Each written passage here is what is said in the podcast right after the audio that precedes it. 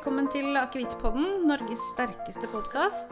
Jeg heter Elisabeth Gjesland og er president i Norske Akevitters Venner. Og jeg sitter her med Lars Ole Ørjasæter, som er daglig leder i Norske Akevitters Venner. Og i dag er det en veldig spesiell dag, Lars Ole. Hvilken dag er det i dag? Nei, i dag er det 13. april.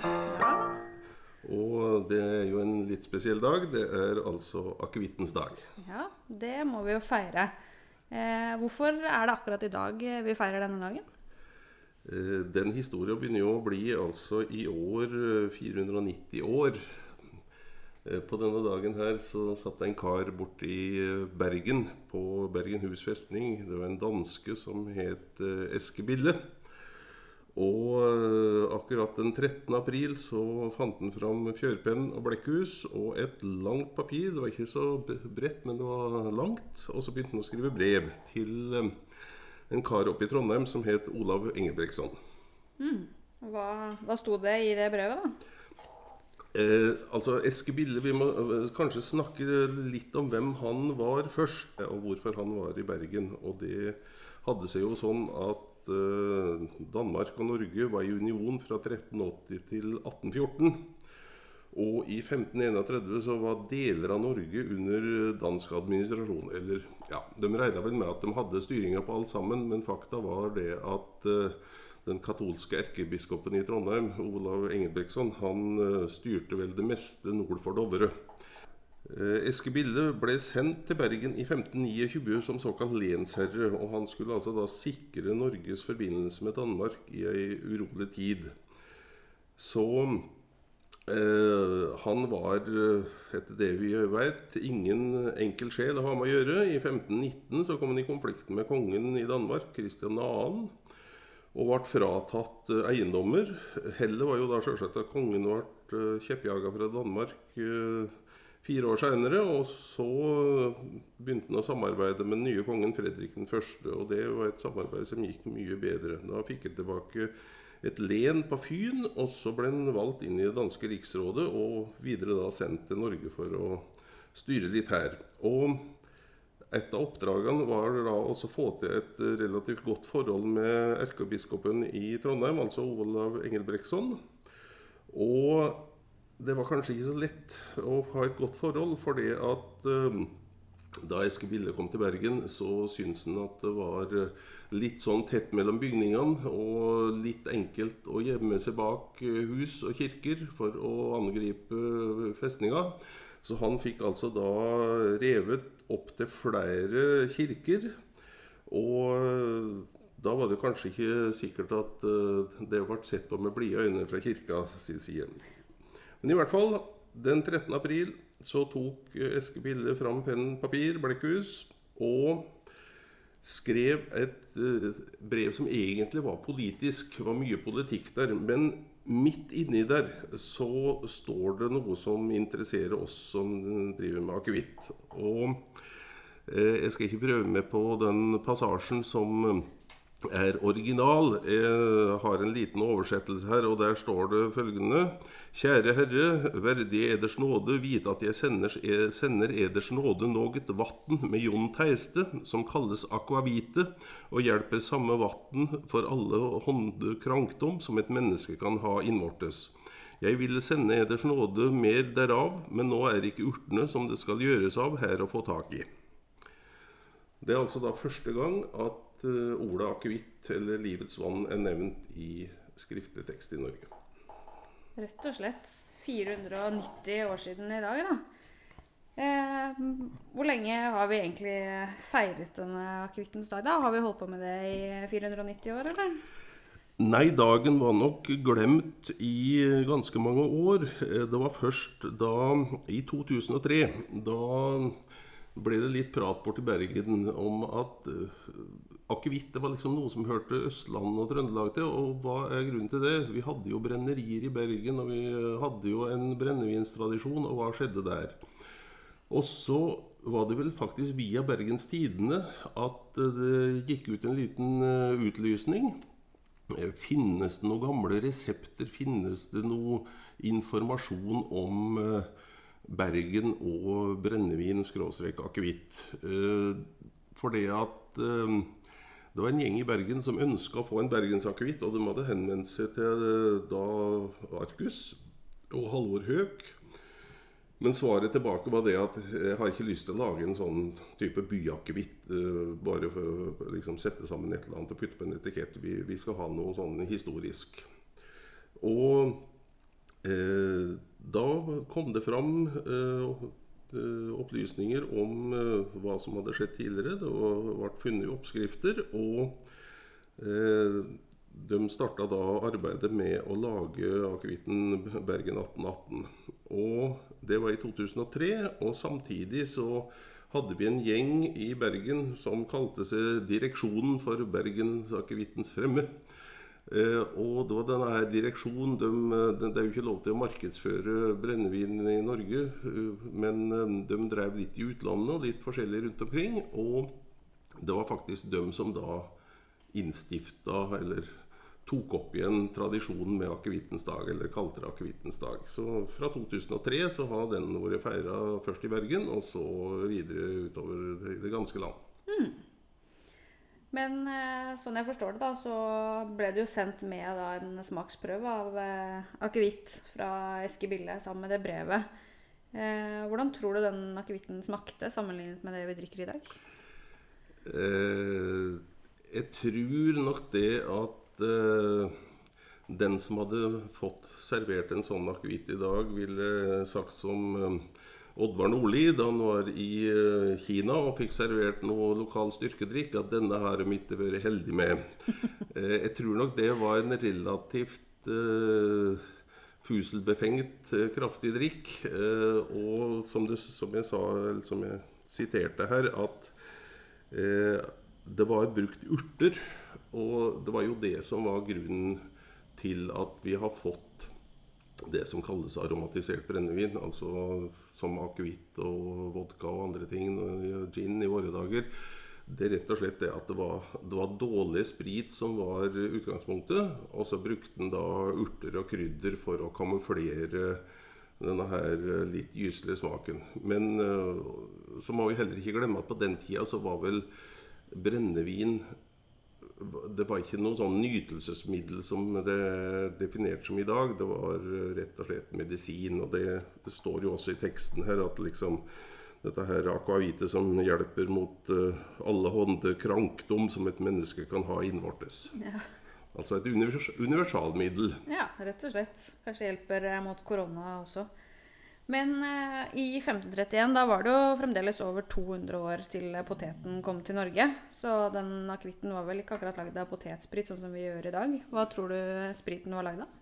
Nei, det, det var vel korn, tenker jeg. Altså, det var jo det som var starten. Altså, du, du eh, brygga et øl, og så destillerte du det. Mm. Og fikk da en sprit. Og jeg tror ikke det var verken eh, dobbeltdestillert eller dobbeltrensa etterpå. Det var vel, og, og dette her var vel også antageligvis før de lærte liksom den destillasjonskunsten som vi har i dag. Altså dette her å ta ut eh, hjertet i destillasjon, og så kjøre da hode og hale tilbake til, til apparatet. Sånn at du tar ut liksom den midtstykket, middle cut, som da er Indrefileten? Ja, indrefileten. Det som eh, ikke har noe sånne stoffer eller ting, ting som smaker vondt eller ikke lukter bra. Men eh, vet vi noe om eh, hva slags krydder det var i denne akevitten? Nei, det vet vi nok ikke. Men vi kan jo tenke oss altså Det vi vet, er at uh, Eske Bille, om det var han som gjorde det sjøl, men i hvert fall så fant han krydder og urter i konas hage. Så fru Bille var nok litt involvert her. Og da kan vi jo tenke oss hva som var i en uh, urtehage den gangen. Det var det vi har i dag, kanskje mynte og en del andre ting. Og så har vi jo da lokale ting som Kvann. Og Eske Bille var jo uh, sjefen der. Han uh, hadde antageligvis tilgang til importerte ting. Altså krydder som kanskje kanel, pepper Jeg er ikke sikker på når ting dukka opp i Norge, men altså litt sånn ymse. Og så var det jo det å finne ting med litt sånn kraftig smak. F.eks. kvann, som da døyva den, det verste i det dårlige brennevinet. Einebær f.eks., og ikke minst karve. Det vokste jo vilt. Men vi kan vel eh, slå fast at uh, den var nok ikke fatlagret, eh, den akevitten. Den var dårlig brent, og den var blanda kjapt og putta på om det var flaske eller kagge, vet ikke. Men eh, det vi vet, er i hvert fall at det var en kar som het Jon Teiste, som eh, fikk med seg denne her eh, sendinga retning Trondheim. Og han godeste Teiste, han, han var eh, norsk adelsmann eh, fra Kvinnherad. Han var også politiker, og i tillegg så var han da ombudsmann og kjøgemester hos eh, erkebiskopen i Trondheim. Så det var nok eh, et passende sendebud fra Bergen til Trondheim den gangen. Kanskje han fikk smakt seg litt eh, på veien også. Men eh, da kan vi vel egentlig slå fast at eh, den akevitten den gangen ikke var helt av den kvaliteten som vi har i dag. Men eh, da er det jo da 490 år siden eh, det brevet ble skrevet. Hva vil du si er det viktigste som har skjedd for akevitten på de årene? Det har jo skjedd ganske mye. Altså har, Det skal vi ta i andre podkaster, men vi kan jo nevne eh, personer som har hatt en stor betydning for utvikling av akevitt og hvordan vi har det i dag. Altså Anna av Saksen, eh, Eva von Ekblad, eh, den svenske damen som fant ut hvordan du skulle bruke potet for å lage sprit. Kristoffer Blikst Hammer, eh, som holdt til på Hadeland, som ga ut lærebok for å lære den norske bonden å brenne sjøl i stedet for at den skulle drikke importert brennevin. Roar Dege, kokk, som plukka fram igjen mye av det gamle og skrev bok om det. Og ikke minst Halvor Høek, som da kom inn i vinmonopolsystemet i 1986, eh, og som da eh, skal vi si, avla svenneprøve i 1988 med den første juleakevitten. Eh, Da Halvor Høek kom inn i bildet, så var det jo da en åtte-ti akevitttyper i eh, Vinmonopolets hyller. Og det var nok ikke akkurat akevitt som det ble satsa på. Og så kan vi altså se i dag eh, med et tredvetalls destillerier. Eh, mange som får ordna leieproduksjon hos destilleriene. Og så har vi altså snart 300 forskjellige norske akevitter i eh, vinmonopolhyllene. Så det har skjedd egentlig stor utvikling. eh, Ja, eh, ikke akkurat gjennom hele perioden på 490 år, men i hvert fall i den seinere tid. eh, parallelt egentlig med i hvert fall her til lands, eh, sammen med det vi kan kalle ølrevolusjon. Altså fra også et åtte-ni-ti bryggerier for ikke så mange år siden. Og nå er det mange, eller over 100. Og det samme med f.eks. sider. Altså norske drikkevarer, eh, lokalproduserte ting, har blitt mye mer populært, og folk benytter det mye mer enn før. Og da er det jo da ti år til eh, 500-årsjubileet, som jeg regner med at vi skal eh, feire stort. Eh, Hva håper du vil skje med akevitten eh, de neste ti årene? Nei, jeg tror jo at akevitten vil holde stand. Eh, Jeg tror at akevitten vil få en større utbredelse enn den har i dag. Altså det, det er jo Norge som er eh, Spesielt når det gjelder fatmoden akevitt, så er jo Norge i eh, særstilling. Eh, Det blir produsert noen akevitter på Island, Færøyene, Finland har vel hatt én. Danmark eh, har jo en del, og Sverige eh, og, og Tyskland. Så, og, ja, USA faktisk, og Canada, som produserer da akevitter på såkalt nordisk tradisjon. Eh, Men det som har skjedd i senere år, er jo det at eh, bartendere rundt omkring i verden har funnet ut at eh, liksom, akevitt er en artig sak å bruke i drinker og cocktails. Og jeg tror at det er der vi vil se mye av utbredelsen. Så det, det er mulig at hva skal vi si, måten å nyte akevitt på vil bli litt endra framover. Altså vi som liker da akevitten sånn som den er, i et godt glass eh, romtemperert. eh, vi vil nok fortsette å drikke den på den måten sammen med øl og mat og sånn. Mens eh, jeg vil tro yngre generasjoner som ikke er så glad i rent brennevin, altså brennevinsmaken, at de vil da sette pris på akevitt som en smakskomponent i drinker og cocktails. Så fremtiden er lys, da, får vi i hvert fall håpe. Da gjenstår det vel kanskje bare å ønske alle akevittvenner gratulerer med dagen, da. Ja, Skal du feire? må vel det. Så vi får ta en tur i kjelleren og så se om vi finner en eller annen eh, gammel godbit som vi kan uh, nyte ut på kvelden. Og så, uh, som sagt, vi ønsker alle en riktig god akevittens dag. Skål. Skål.